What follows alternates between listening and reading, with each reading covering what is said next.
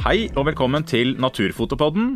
Dette skal være en podkast hvor vi tar for oss temaer og aktuelle ting innen naturfoto. Vi vil i hver episode ha spennende gjester i studio.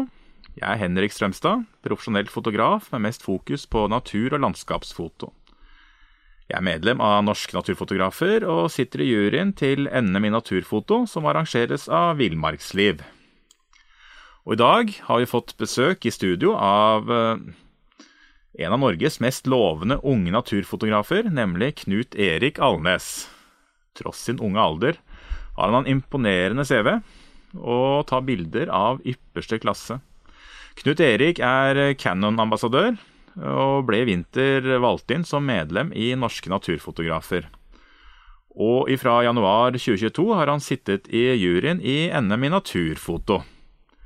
Så velkommen til oss, Knut Erik. Og Er det noe du ønsker å legge til med tanke på introen jeg hadde på deg? Jo, tusen takk for det, Henrik. Jo, jeg syns det var flott. Jeg må jo legge til at jeg altså studerer fulltid ved Universitetet i Oslo. Studerer en, en master i juss der, men jeg trives jo aller best ute på tur med kamera og på jakt etter de spesielle øyeblikkene. Det er jo det, det jeg trives aller best, best med.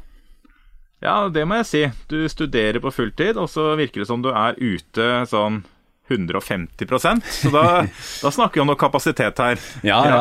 Nei, det må gjerne kombineres litt. Da. Det blir jo fort å ta med bøkene og ut på tierleiken og, og, kombinere det sånn sett. Og veldig heldig egentlig med studiet at det er veldig fleksibelt og sånn, så det går an faktisk å kombinere i, i stor grad. så det er jo, er jo veldig flott. Men du, du kan kanskje dratt litt fordel av pandemien vi har hatt. Eh, at du kan være ute i felt og følge undervisning eh, mobilt, da. Mm, absolutt, det har jeg veldig utnyttet. Jeg hadde jo mer eller mindre to-tre måneder i strekk på fjellet her eh, i 2020 og for så vidt 2021 eh, også. Og kunne virkelig dyrke lidenskapen og, og kombinere det til det fulle. Så, så, det var veldig flott, altså. Absolutt. Så det er bra at det er noen fordeler med ting som er kjedelig og dritt. absolutt. Så. Men jeg eh, Ja, altså du er jo 22 år. Men eh, som, som, meg og mange andre som følger med i naturfoto, så, så, føler jeg jo at jeg har hørt om deg i ganske mange år. Eh, du var flink tidlig.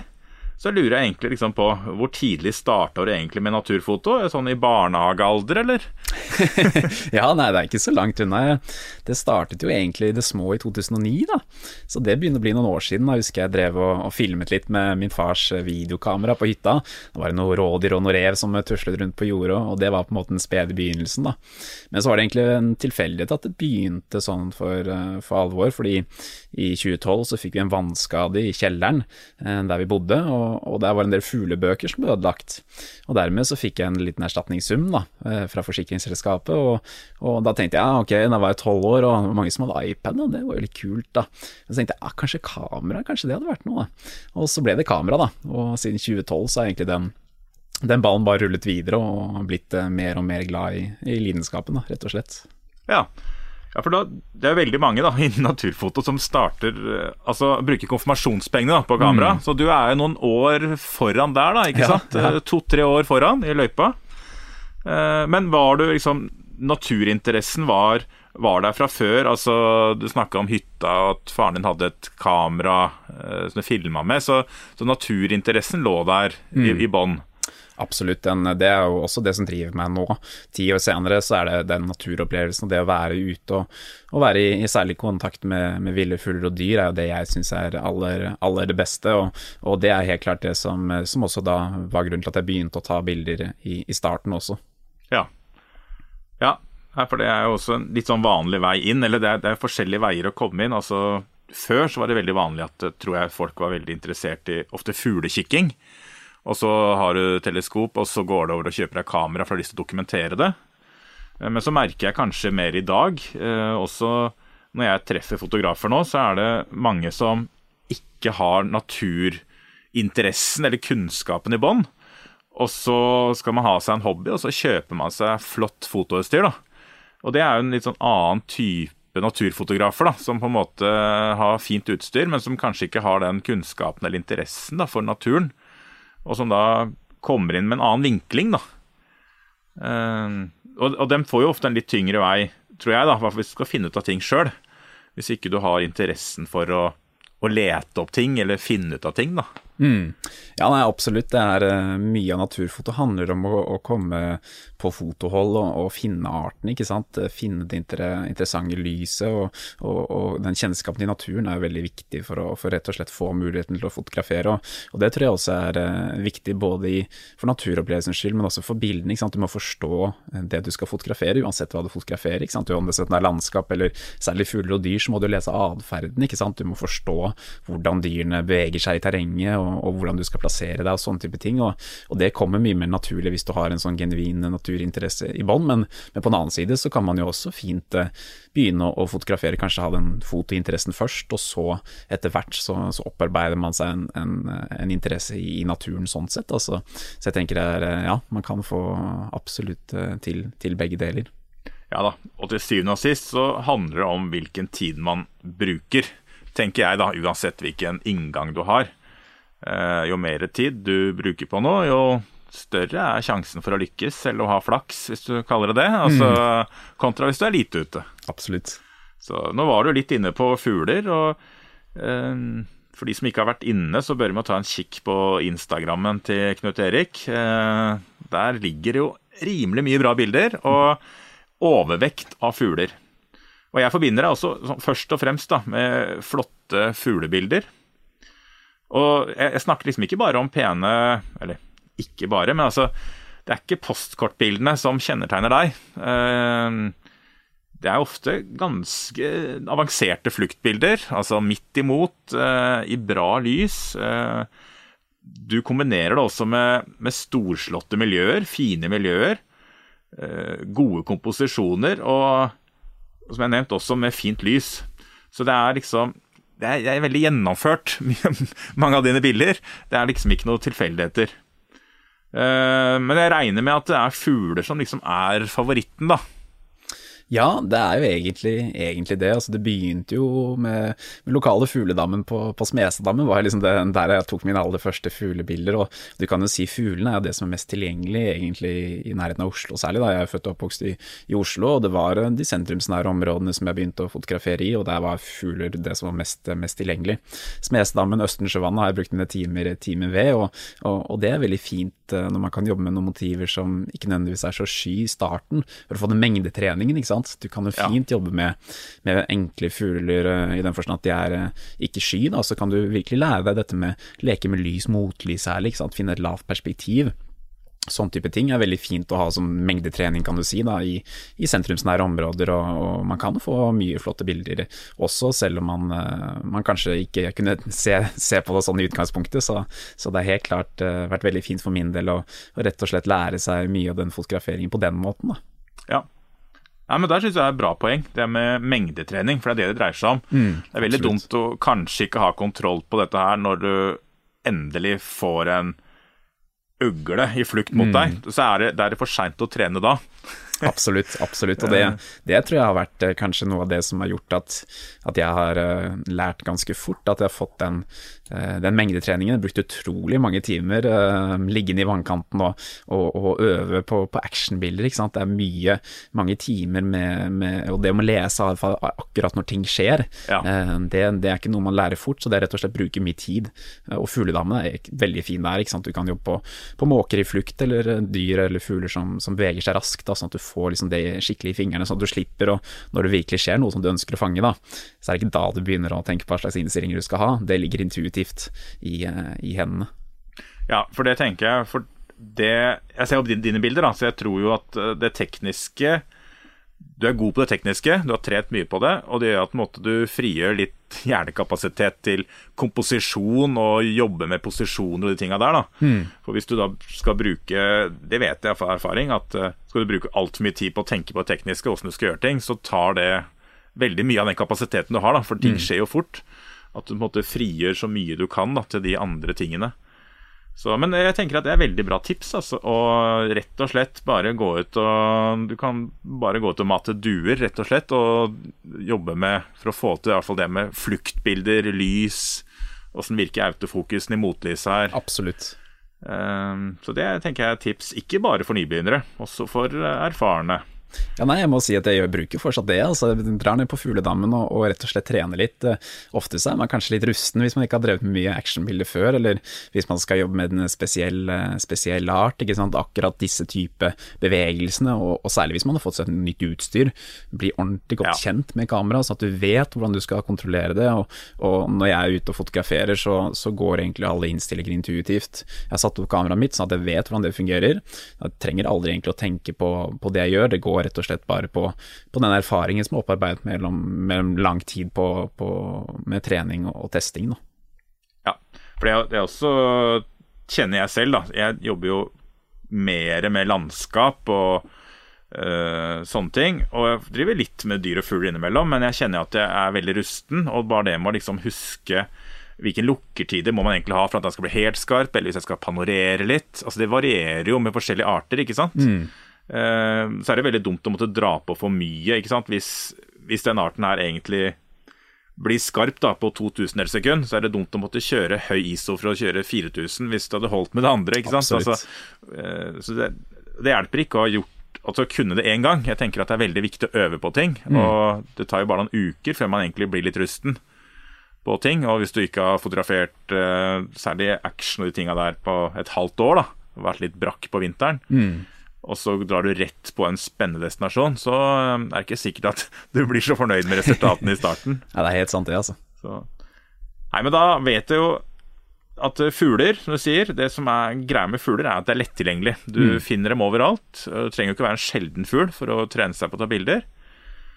Men så ser jeg jo du, du liker jo litt andre fugler enn de vi finner eh, rundt husveggene og i Oslo. Og en av liksom, nøkkelartene dine eh, er ugler. Ja. jeg tror du er litt besatt av ugler? Ja, ja det, kan, det, kan, stemme veldig godt, det.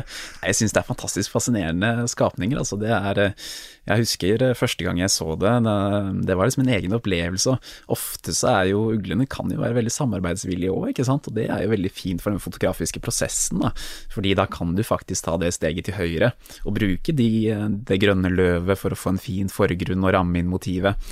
Er det et veldig sky motiv, så kan det være, være vanskelig, men nei, jeg syns ugler er veldig fascinerende, og også den roen de har. Alle som har sett en lappugle, ikke sant. Det er ikke noe stress, det er ikke noen, det er ikke noen sånne nervøse bevegelser, det er som en sånn stoisk da, som gjør at eh, ja, den naturopplevelsen blir veldig stor. Da, så nei, det, det syns jeg er flotte motiver.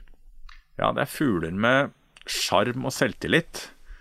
Men jeg tenker ugler. Ugler, Jeg syns ugler er kjempesjarmerende. Men jeg ser jo aldri ugler. altså Jeg er mye ute. At det er veldig sjelden jeg ser en ugle og liksom bare kan få et knallbilde. Altså, Hvor finner du uglene hen? ja, nei, det, det, er et veldig godt spørsmål. og Det varierer jo, ikke sant. Mange ugler de er jo egentlig smågnagespesialister. da.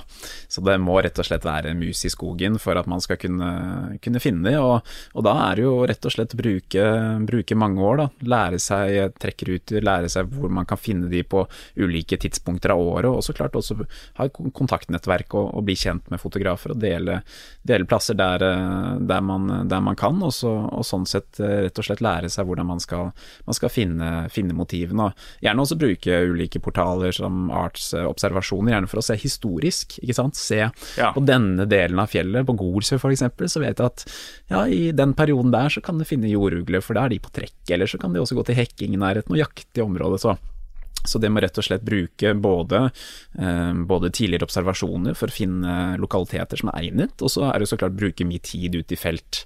Så lærer man seg etter hvert, når man har brukt mange timer på, på å kjøre langs veier og skogsbilveier og lete, så, så vet man liksom hva man, hva man er ute etter, og, og, man kan bli god på å gjenkjenne. Ofte så ser du kanskje ikke at der sitter en ugle, men du ser ok, den toppen der på en kilometer unna, var ikke den litt mer klumpete enn de andre, ikke sant. Og så tar man og stopper med kikkerten, og så ok, det var faktisk det, det man kanskje trodde var, da. Så det med å bruke mye tid ute i felt, eh, opparbeides erfaringen, er liksom det som gjør at man kan finne motivene igjen og igjen. Da. Så ja, det er liksom den, den tilnærmingen jeg bruker. Ja, altså du, du, bruker faktisk en del tid da på å lete. Altså mm. ikke helt på måfå. Du har liksom noen retningslinjer. Du har funnet ut at her kan det ofte være ugler, av både erfaring som du sier, eller du let, finner det på nett og sånn. Mm. Og så er du ute og leter. Altså, og da regner jeg med at det er en del turer uten suksess. Ja, man ser jo bare de suksessturene på, på Instagram ja. eller hvordan det skal være. ikke sant? Så det blir mange bomturer, men, eh, men ofte så, så, lærer man seg å prioritere tiden på en god måte. Sånn at når jeg drar ut, så er det en ganske stor sannsynlighet ofte for at jeg kan finne noe, ellers er det at det er veldig god værforhold, liksom, så det er virkelig verdt å, å, gå for en bomtur. Men, eh, men, jeg har jo litt begrenset tid, jeg studerer jo fulltid, så, og, så jeg vil jo gjøre det veldig godt der òg. Eh, så dermed så må jeg på en måte kanskje studere to uker i strekk, og så ta meg en lang helg. Og bruke lang tid ute i, i felt da, hvis, hvis, det er en særlig god periode. da. Så det ligger mye i forberedelsene i uh, rett og slett hvordan jeg tenker rundt fotograferingen min, planlegger på forhånd, sånn at jeg vet at det skal være en uh, ganske god mulighet til å, til å komme hjem med et uh, godt resultat når jeg, når jeg, først er ute, hvis jeg ikke bare bruker det som en spaningstur, da, som ja. jeg kanskje ofte også kan, kan, gjøre rett og slett for å, for å se litt hvordan forholdene, forholdene ligger an. Ja, nei, for jeg vet jo Jeg husker ikke helt, men jeg, har, jeg har jo vært på et par foredrag med deg. Og der øh, var det en haukugle som holdt til på det, mot Blefjell ja, ja, eller noe sånt. Mm. Hvor du da altså reiste altså ens ærend flere turer fram og tilbake fordi ja, at du har fått tips om en ugle eller uh, bare Fortell litt om det. Altså, ja, bare vise, altså, Det er liksom ikke Det, det satses. ja, ja, ja. ja nei, det er liksom når det med å benytte muligheten er viktig. Altså, det gjør jeg til det fulle, typisk. Som ugla på, på Blefjell, jobba der i, i vintermiljø, så, så, så, gikk jo den eh, halvannen, to uker i strekk der i juleferien. Mutter'n og fatter'n så meg så vidt i, på julaften, ellers så var jeg ute, ute i skogen. Så, så, når det virkelig er gode forhold, så gjelder det å benytte muligheten, for det kan gå lang tid til, til neste gang. Så det med å, å rett og slett gå all in når forholdene er til rette, det er noe jeg, jeg, jeg prøver å gjøre så ofte, så ofte jeg kan. Da. Og det betyr jo da f.eks. at mens jeg drar til ugla på Blefjell, den timen eh, det tar å kjøre dit, så sitter jeg og hører på forelesninger, rett og slett mens jeg kjører, eh, for å prøve å optimalisere tiden. Så, så, så det er sånne små knep for å, for å, få mest mulig ut av mulighetene. Ja. Her snakker vi om å bruke tida effektivt. Og det er også viktig å si. Jeg er jo mye ute, eh, fotograferer litt mer landskap, men jeg også alltid med meg en telelinse, en 100-400. Før hadde jeg en 70-200, eh, men uh, den 200 mm på et fullformatskamera er ikke en telelinse. I hvert fall mm. ikke når det gjelder fugler. Til landskap kan du kalle det en tele. Mm. Men eh, så har jeg opplevd at jeg har sett ugler. Men i starten så var jeg litt sånn Ok, jeg tok noen bilder av den haukugla der i snølandskap, og så gikk jeg videre. Mm. Og som sier så kan det gå to år til neste gang du ser den i et sånt landskap. Altså, Det med å benytte sjansen når du først, når du først får den der, og tenke at uh, da er det kun det du skal gjøre. Det andre kan du gjøre, for det er liksom en sånn mulighet du har, da, har der og da. Mm, absolutt. Ikke, det, kan godt hende du finner den dagen etter, men det er ikke sikkert du finner den før om ett eller to år igjen. Mm, så. mm. Og så er det det å jobbe med motivet hvis man har en god mulighet. Da. Jobb med motivet, ikke bli liksom fornøyd med det ene bildet du tar tenk hele tiden ok, hva har jeg fått nå, hvilke typer bilder har jeg fått, og hva kan jeg få? Sånn at Ofte så ser jeg at de bildene som, som jeg blir mest fornøyd med når jeg jobber med, et, med, en art eller en situasjon, er de bildene som kommer uh, på slutten. Ja. For jeg har tatt, tatt, de tette portrettene, jeg har tatt de tette actionbildene, og så er kanskje miljøbildene kommer på slutten.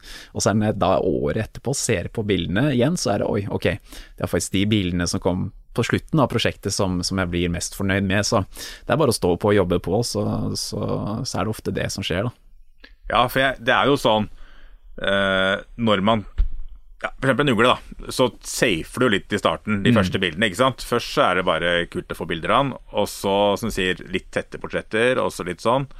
Eh, så slipper man å skuldra litt ned, og så kan du si, kan du begynne å jobbe med de miljøbildene og og de litt sånn alternative vinklene.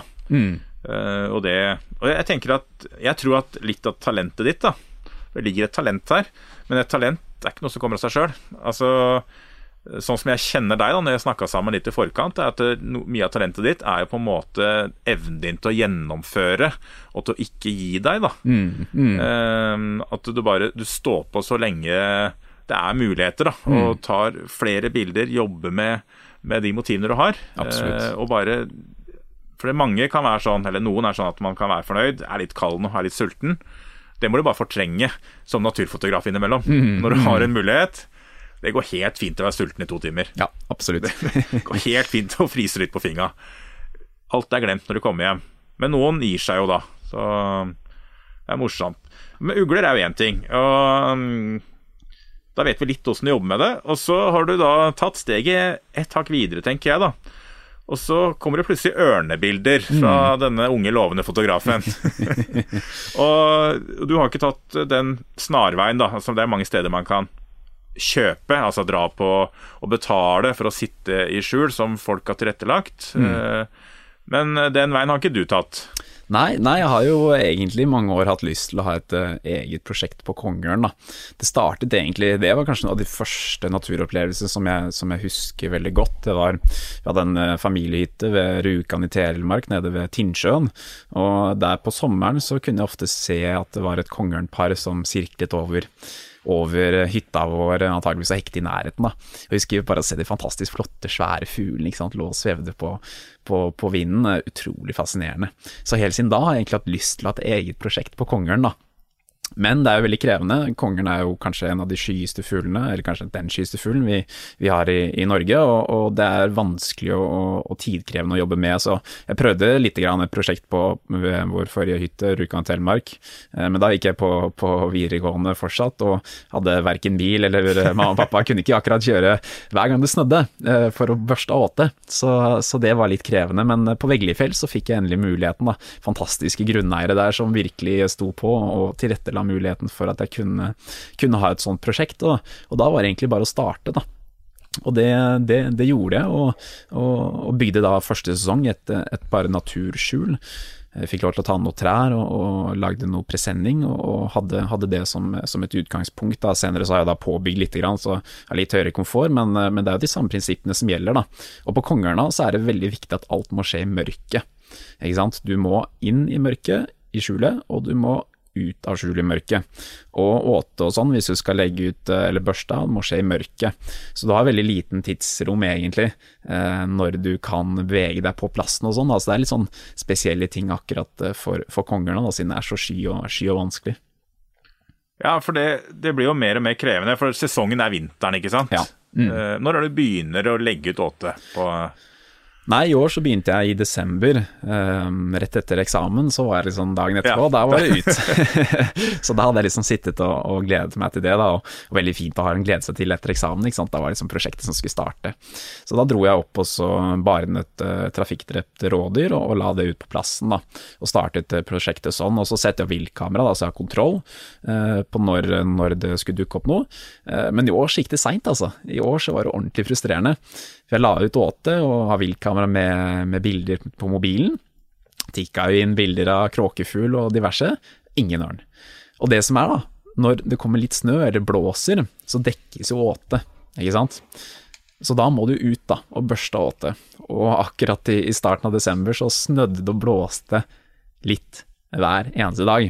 Så det betyr jo da at hver eneste kveld så må du gå inn til plassen, eh, de kilometerne det er, i mørket og børste av uansett hva slags eh, vær- eller vindforhold eller hva annet man skulle ønske å gjøre den kvelden. Så, så sånn sett er det veldig sånn tidkrevende og litt sånn Det er egentlig en mental prøvelse å ha et sånt prosjekt som strekker seg over så lang tid, og som også er eh, ja, såpass tidkrevende i tillegg til de andre tingene som jeg også, også driver med. da. Ja. ja, for da må du også inn hver kveld. Mm. Ja, når det er sånne snøforhold, ja, er sånne snøforhold. Så, så, må du rett og slett det. Ja. Og så kan man liksom ikke Du sier du har lagt ned mye kraft og energi da, mm. på å gjøre det, så du man liksom ikke stoppe opp Eller det har man ikke lyst til heller, da. Nei. Uh, men klart, fordelen i desember-januar at det er jo mange timer det er mørkt. Mm. Men jeg tenker sånn som nå, da, når vi kommer utover våren. Uh, hvor lenge driver man og legger du ut åte? Er det ja, nei, nå har jeg fortsatt uh, for så vidt prosjektet i gang. Var ute og, la ut uh, Hadde litt åte til over som jeg, som jeg, la ut nå i, i helgen som var. Men, uh, men, egentlig så er det jo stort sett vintermånedene, da. Desember, februar ja. og så litt ut i mars som, som gjelder. Men, men, i år så var, var jeg litt uheldig med, med, vinteren. Det var dårlig med snø. Det var mildt. Det var ikke de forholdene jeg ønsket meg. Så derfor så har jeg strekt prosjektet litt ut i tid. Egentlig så sa jeg liksom slutten av februar, da, er, da orker jeg ikke å følge opp mer.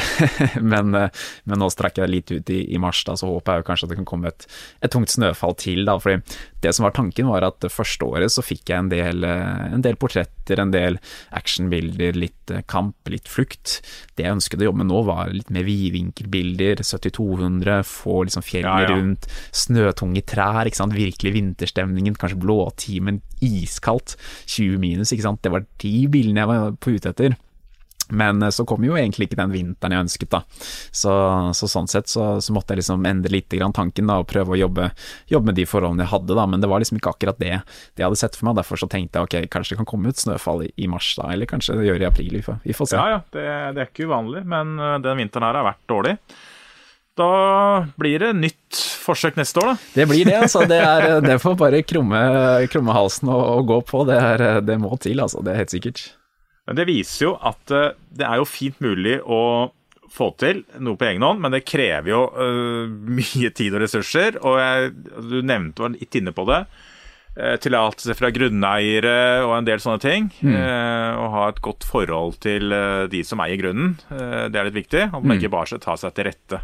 Absolutt. Uh, og sette seg inn i lover og regler. Men da syns jeg Så tar jeg tar med en art til ja, når vi først holder på. Ja. Du er rå på ugler. Du har knekt uh, ørnekoden. Uh, og så er det tiur. Mm. Jeg vet jo at hvis vi går et år eller to tilbake, så hadde ikke du vært på tiurleik. Men det vil du fikse. Ja, nei, det var, det var, våren 2021. Da var det liksom det som var, var planen. Jeg, jeg, var jo faktisk så heldig at jeg har tatt en del bilder av tiur uten å være på tiurleik. Og heller ikke nødvendigvis den klassiske spillegale. Vi har hatt en uh, tiurkamerat oppe i hyttegrenda på Veglifjell som har vært utrolig uh, tillitsfull, faktisk. Altså, han, er, han er ikke spillegal, så han er ikke aggressiv, men han er heller ikke særlig sky. Så det er en, eh, et individ som har jobbet med over i flere år nå, faktisk. Ja. Så det har vært veldig kult, da, for da kunne du jobbe med litt andre typer bilder enn det man kanskje tradisjonelt ser. Ikke sant? Ja, ja. Med vidvinkel og beiten eller i dokk sånne type ting. Eh, og det jobba jeg egentlig med eh, våren 2021 eh, frem til, til mars. Men så var liksom tanken å prøve å finne en tiurleik, da. Det satt, satt, veldig høyt, fordi liksom den sett på naturprogrammene da jeg var ung, satt og, satt og så på den tiurleiken og den stemningen i vårskogen. Fantastisk fascinerende å, se, og noe som jeg virkelig ønsket å, å oppleve selv også. Da. Ja, men åssen øh øh, for du, du, fant jo en tiurleik første året du prøvde. Mm. Uh, men altså, mange leiter jo i mange år for ja. å klare å finne en tiurleik. Uh, det er jo kjempevanskelig. Ja, det er det, altså. Uh, for de kommer jo ikke de driver jo ikke som orrfuglen og spidder hele vinteren. Mm. dette foregår jo noen få uker i april. Mm. Eh, men nå har jo du gjort dette her eh, på Veglefjell, og der ligger det jo snø. Mm. Så jeg regner med at du har leita og funnet eh, spor og sportegn da, i snøen? Ja, ja, det stemmer. Så det som var teknikken da, var jo at eh, jeg prøvde å lese den opp. ikke sant? Se for meg hva slags type terreng er det tiuren liker, ikke sant? hvilke kvaliteter er det den, den, har typisk i et område hvor det kan være leik. Og så så jeg på kartet, så på kartutsnittet, så rett og slett på Google Maps og så på type skog, og, og visste jo for så vidt litt hvordan det var i terrenget òg, men vi brukte mye tid eh, i forberedelsene for å se for meg aktuelle områder, prate også med lokale grunneiere og kunne få noen, eh, noen hint om hvilke områder man kanskje hadde sett tiuri på våren, ser at de går og gruser i en grusvei, sånn i april-mai, så er det jo antageligvis ikke så langt unna, da. Det kan være begrenset hvor, eh, hvor langt det er til, til en leik, så, så, med sånne utgangspunkter så begynte jeg da å, å gå og lete. Så da var det jo fjellski og, og GPS GPS, og så sikksakke seg gjennom terrenget. Gå frem og tilbake og frem og tilbake for å rett og slett prøve å finne en sporrekke, da. Ofte så finner du kanskje at her har det gått en tiur. Så prøvde jeg å følge da sporet inn tilbake på leiken, fordi man kan være heldig at eh, tiurene går ut fra leikplassen ja. Eh, etter at spillet er ferdig. Men ofte så blir det jo lurt, da, ikke sant? du følger en sporrekke, og så tenker jeg nå kan du kanskje være heldig. og så ser du at plutselig bare sporene forsvinner, ikke ja. sant, han letta. Så, så, så, det var liksom teknikken, da. Og da må du jo bare lete og, og, og finne lete etter spillmøkk, ikke sant. Denne ostepopen med hvit ende. Ser du noe sånt, så er jo Da begynner det å nærme seg, da. Vi finner i tillegg noen slepespor i snøen, der du ser den har gått ned med vingene. Kanskje noen flaksehopp, eller også, kanskje noe av det viktigste, at du finner nattekvisten. For ofte så sitter tiuren på samme kvist gjennom hele leiken på natta. Da finner du en skikkelig sånn møkk lyse under det treet. Ja, og da, okay. da, begynner det å nærme seg, altså da, du, da brenner, brenner, tempen. Ja. ja men det er, det er, mange tips der, og så er det med nattekvist, og du ser der hvor det ligger masse møkk. Mm. Uh, men klart, alt er jo lettere når det er snø, Absolutt. kontra når det er barmark, for da kan det også være vanskelig å se møkka. Mm. Du kan fort gå forbi det, i hvert fall, uh, hvis det ligger i lyng. Så Nei, men da er jeg spent på hva neste prosjekt er. Eh, vi skal ikke gå inn på det nå, men eh, jeg tviler jo ikke på at det kommer noe mer spennende fra deg på fuglefronten. Absolutt. Så, men det jeg lurer litt på Du er som nevnt 22 år. Eh, veldig ung i naturfotosammenheng. Altså, det tar jo ofte lang tid å tilegne seg kunnskap, er én ting. Mm. Å lære seg på en måte det der med komposisjon og eh, teknikken Det er mange ting da skal sy sammen. Eh, men du, er, du, er, du, helt selvlært, eller har du, har du hatt en mentor, eller hvor, hvor kommer dette fra? ja, nei, altså det jeg husker når jeg startet, så var det jo Jeg brukte mye nettet, da. Brukte, jeg husker fotobloggene, fotobloggen, det var jo fotobloggens tid, da. 20, 2013, 2014, 2015. Da så Ja, da var det jo masse. Da, ja. Alle naturfotografer hadde jo blogger da. Ikke sant. Så ja. det var en stor inspirasjonskilde da, husker jeg. Da var liksom Jeg søkte meg gjennom alt og ble inspirert på den måten, og da begynte liksom tanken Da så jeg, ok eh, Da var jeg så ung, så da var jeg liksom Oi, wow er det mulig å ta sånne bilder? Eh, og så så jeg ok, hva er det liksom som kjennetegner dette bildet, hvorfor liker jeg akkurat dette bildet? Ok, kanskje han har ligget lavt, ikke sant, fordi du ser det er på samme nivå som, som motivet, og lyset er spennende, ikke sant. Denne, denne type, type, ting. Og så, og så, var det liksom det som, som var den spede begynnelsen, og når jeg begynte, så var det liksom ja, sto, sto, rett opp og ned og tok, tok bilder rett ned på, på fugledammen. Eh, men så, etter hvert, så, så, så man jo kanskje litt kunne man se ok, jeg får disse typer bildene, disse typer bildene ser jeg gode og, og liker. Eh, så prøver man å bli inspirert da også, henvende seg til fotografer og, og, og, spørre. og Jeg husker også jeg deltok på noen jeg husker Natur og Foto med Tom og Bård, var, eh, gikk rundt Østensjøvannet, ikke sant, eller med Roger Brennhagen på, på Dovrefjell. Så jeg var også på noen sånne workshoper når jeg begynte å, begynte å få tatt litt bilder, rett og slett bare for å, for å kunne møte andre naturfotografer og, og sånn sett begynne å ja, bli inspirert, rett og slett. da. Ja, ja, for Det tror jeg også er viktig, at man møter noen andre som driver mm. med dette her. altså Får noen tips. Du kan finne mye på nettet, men det er noe med å møte andre som har samme interessen, og som har kommet lenger enn deg da, mm. i prosessen der. Så Nei, men sånn stort sett selvlært. Henta ja. litt info her og der. Mm tror egentlig det er treffende. altså Blitt ja. mye inspirert av nettet, det har vært veldig fint. Det var jo, ja, ja da var jeg tolv og, og, utover, så, så, ble jo liksom alt med Instagram og Facebook og, og, alle sosiale medier gjorde jo mange bilder veldig lett tilgjengelig. Og jeg opplevde også naturfotomiljøet som veldig åpent og, og, lett å komme inn i, egentlig. da, Det var jo åpenhet for å stille spørsmål og, og få tilbakemeldinger. Jeg husker jo Jørn Areklet Omre i Can Norge tidlig, tidlig husker jeg sendte meg en melding og sa liksom, ja, kult å se at du tok, tok, tok bilder og, og inviterte meg med på Norsk Naturfoto fotofestival en gang da jeg var ganske ung, da. Så litt sånne type ting, og, og vært veldig takknemlig for det i etterkant, da. For da har jeg liksom ja. kunne kommet litt inn og, og bli litt kjent i et uh, veldig flott miljø, da. Ja da, for jeg ser jo at det kan være vanskelig sånn med en gang. Liksom folk som du kan se på som forbilde, hvis ikke eh, hvis ikke de kikker på deg, liksom. Mm. Jeg tror ikke det er noe bevisst, liksom, men at, det, at man bare får en kontakt, da. Mm, og, og, blir tatt med inn. For det, det er veldig eh, åpenhet, eh, men det kan være litt vanskelig som bare å komme inn der første gangen. Mm, mm. Så, men eh, nå snakker du litt om Naturfotofestivalen og litt sånne ting, og da tenker jeg også litt sånn fotokonkurranser. Jeg har vært inne og kikka, jeg veit jo at du har jo en rekke bra resultater fra mm. fotokonkurranser, eh, og kanskje spesielt fra NNPC, mm.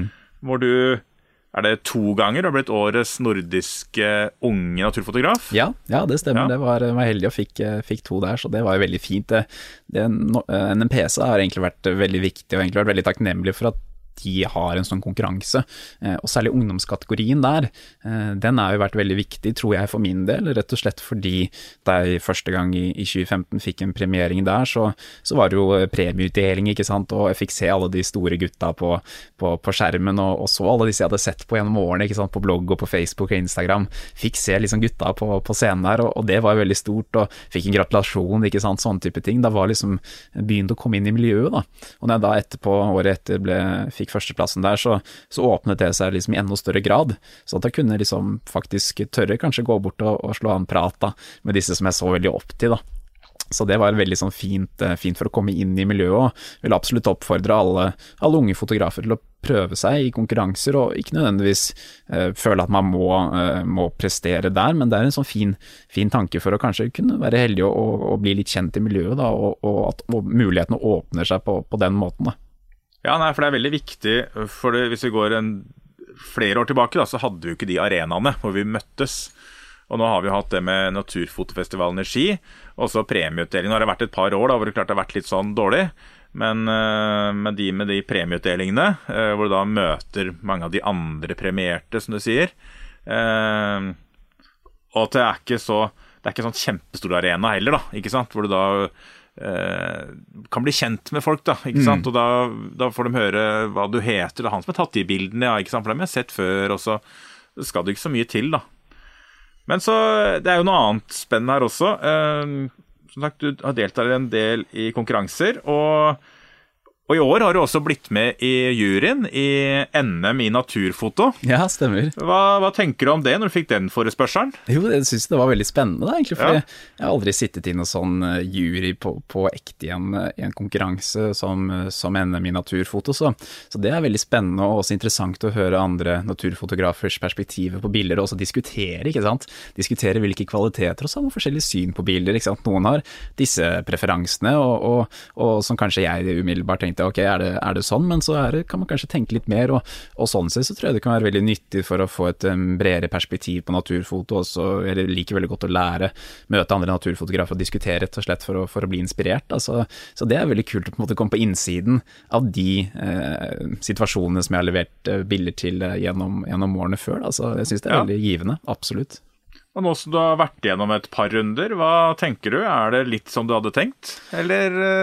Eh? ja, nei, altså det er, det er jo for så vidt det, da. Det er jo, det er jo veldig interessant å, å, nettopp da høre og utveksle perspektiver, og, og, også gøy å liksom kunne fortelle sine Det jeg tenker når jeg ser på et bilde, ikke sant. Og, og noen ganger så får man gehør for, for sine argumenter, andre ja. ganger ikke. Men, men, ja, alt i alt veldig interessant og givende å være i en sånn situasjon og utveksle erfaringer. Ja nå skal det jo sies, hvis ikke lytterne fikk med det, så sitter vi jo begge to i den juryen, da. Uh, og vi har hatt uh, et par møter nå i år. Uh, og det med bildediskusjoner er jo veldig spennende. Og jeg vil si at du har jo vært med å styrke juryen med, med ditt bildesyn, da.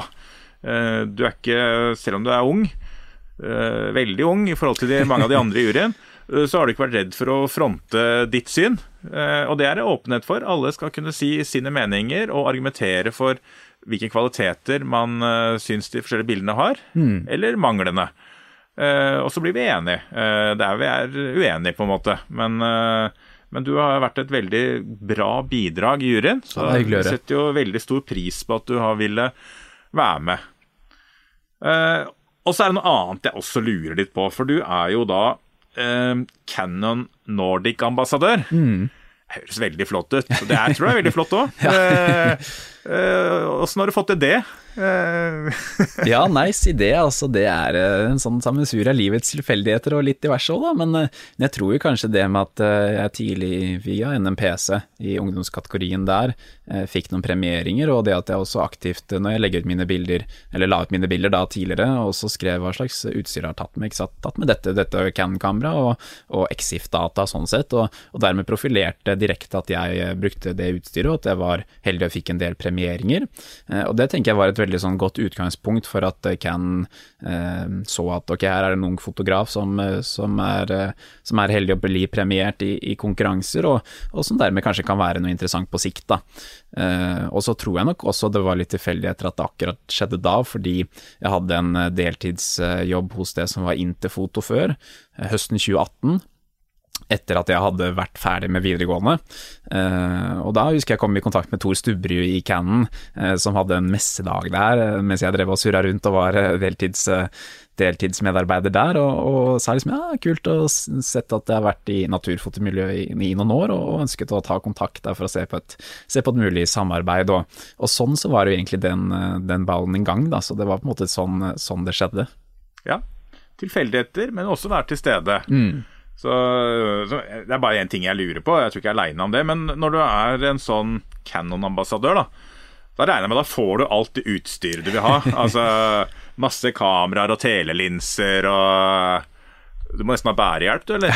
ja, nei, ja, nei, jeg har jo en veldig gunstig, gunstig deal der, så, så, så klart det åpner jo veldig mange muligheter, og jeg er veldig takknemlig for at jeg fikk, fikk, den muligheten på en fantastisk god timing for min del, fordi jeg skulle begynne å studere masteren min i uh, januar 2019, uh, og det som er så fint nå, er at nå kan jeg liksom si til gutta at uff, var på fjellet og jobba, altså må teste noe utstyr, det er så fælt, altså. Det er, men så egentlig er det det jeg liker aller best, ja, ja. ikke sant. Så, så, så, da slipper jeg på en måte å, å ha en annen jobb ved siden av. Jobber som, eh, som, fotograf og også som ambassadør for Cannon i Norden, og, og, dermed så er det der jeg på en måte tjener pengene mine og, og, og kan drive lidenskapen min på den måten ved siden av studiet, som så klart også er, er en prioritet her. Ja, for det, det, det følger jo med noen forpliktelser òg, regner jeg mm. med. Uh, en ting jeg regner med at noe er det kanskje å teste litt utstyr, men du må jo også sikkert gjøre opp litt meninger. Eh, sikkert eh, reise eller holde noe foredrag. Altså, eh, det er jo det er jo ingenting som bare altså, Det er jo moro, det òg, men mm. altså, man skal levere noe tilbake. Ja, ja absolutt. Og, og, det er liksom morsomt dette med foredrag. Jeg husker jo første foredrag jeg holdt, det var eh, egentlig Norsk naturfotofestival. Eh, det er noen år tilbake da, og, og da husker jeg som 18-åring var rimelig spent, da, nervøs og noen mareritt i noen måneder før jeg skulle holde foredrag. Og, eh, men etter hvert, så når man har fått litt mer erfaring og sånn, så, så begynner det å bli gøy, ikke sant. Og, og det med å dele erfaringer og også inspirere andre er noe som jeg syns har vært, vært, veldig gøy, og som, som den da rollen i, i Cannes har gjort, gjort mulig. Da. Så, så, sånn sett så er jeg veldig, veldig takknemlig for å, nettopp kunne oppleve sånne ting da, som man kan ja. få muligheten til med en, med en sånn rolle. Ja. Da tenkte jeg jeg har lyst til å avslutte med eh, litt Altså Skal ikke gjenta for mange ganger at du er ung, men du er ung. Og så ser jeg jo Jeg er jo selv aktiv i, i flere grener innen norsk naturfoto. Altså eh, blant annet i biofoto. Mm. Eh, Østlandet, da. Som er eh, den største lokalavdelingen av biofoto. Eh, men jeg ser jo at eh, etterveksten, i hvert fall de som kommer på møter, og de vi ser, eh, det er veldig få unge fotografer. Det er veldig mange godt voksne. Og vi savner jo de derre unge fremadstormene. Men er de der ute, eller opplever du det samme, at det er få, få unge som kommer og driver med denne sære hobbyen? ja, nei, det er vel kanskje ikke den, eh, den største tilveksten. Altså, du, det er kanskje litt sånn typisk med, med, hvilken alder man er i, da. Eh, ofte så er det kanskje en del fotografer som holder på eh, mens de er i ungdomstiden, kanskje, men så begynner man å studere og, kanskje faller litt, litt fra der, eller andre ting som, som kommer inn. Men, men det er jo stadig vekk vekk noen fotografer som dukker opp, og det syns jeg er veldig kult. å se, se, andre unge som, eh, som er interessert, men, eh, men, det er nok det at det, er ikke så lett bare hvis man uten å ha noe sånn Hvis du har noen konkurranser som du har vært inne på, da, så, så kanskje man er på en premieutdeling og, og, og, du får gratulasjon og man hilser på, på sånn, men, men, utenom det så er det liksom ikke så lett å komme, komme, inn i miljøet hvis man kanskje ikke deltar på workshops og sånn. Så, så, så, det med å prøve å stimulere til at unge fotografer kan, kan, komme litt inn i miljøet, det tror jeg kan være veldig fint, for de er der. Men de er kanskje ja. ikke så synlige. Eh, men, men, det er liksom stadig vekk noe som, som dukker opp her og der, altså. Det er det. Og så er det jo kanskje det at det, eh, når man er ung, så driver man kanskje med sine egne prosjekter. Man har ikke økonomien til å dra på disse Nei, workshopsene. Og, og, man kan, ja. ikke sant, man, før man får bil, så er det jo veldig begrenset hvor, hvor mye man kan flytte seg rundt. Så, så det er litt sånn sånne type ting, da. Ja. Nei, jeg ser jo det er noen, og i NM i år så har vi jo en ung fotograf som så langt, eh, når vi snakker sammen nå, så har det vært to runder. Mm. Og jeg så vel at Tobias Gjerde lå på sjetteplass sammenlagt. Ja, ja, ja. Eh, hvor, hvor, gammel er han? Han er vel eh, Er han blitt 18? Jeg tror ja. akkurat rundt 18. Uh, det er veldig spennende at mm. uh, det er fint mulig å hevde seg i ung alder. Ja, fascinerende. Tobias er jo virkelig dyktig og, og tenker både kreativt og samtidig som han har den tradisjonelle tilnærmingen, så åpner det liksom å tenke litt nytt. Og, ja. og, det er veldig kult, og det kan jo være til inspirasjon for andre unge fotografer òg. NM, da har du en, en, mulighet til å levere tre bilder over flere runder, ikke sant. Så, så kan du prøve litt forskjellige typer bilder, og, og ut ifra juryens bedømming så kan du jo se ok, dette slo han i denne konkurransen, kanskje det kan slå han i en annen konkurranse hvis ikke slo han her. Så, så det må prøve litt ut, og, og sånn sett få tilbakemelding gjennom eh, hvordan resultater du oppnår det kan, tror jeg kan være absolutt ja. noe fint, altså. Nei, men det, det syns jeg er veldig gøy, i hvert fall, å se nye navn. Selv om det også Tobias er en vi har sett over flere år, mm, eh, og som også har heva nivået veldig brått. Mm. Eller eh, raskt, da. Eh, og jeg tror jo sånn som at det er viktig da, at vi har flere unge nå da, som, som gjør det, som er flinke. Som, mm. Man må satse òg, men uh, det er veldig gøy. Absolutt.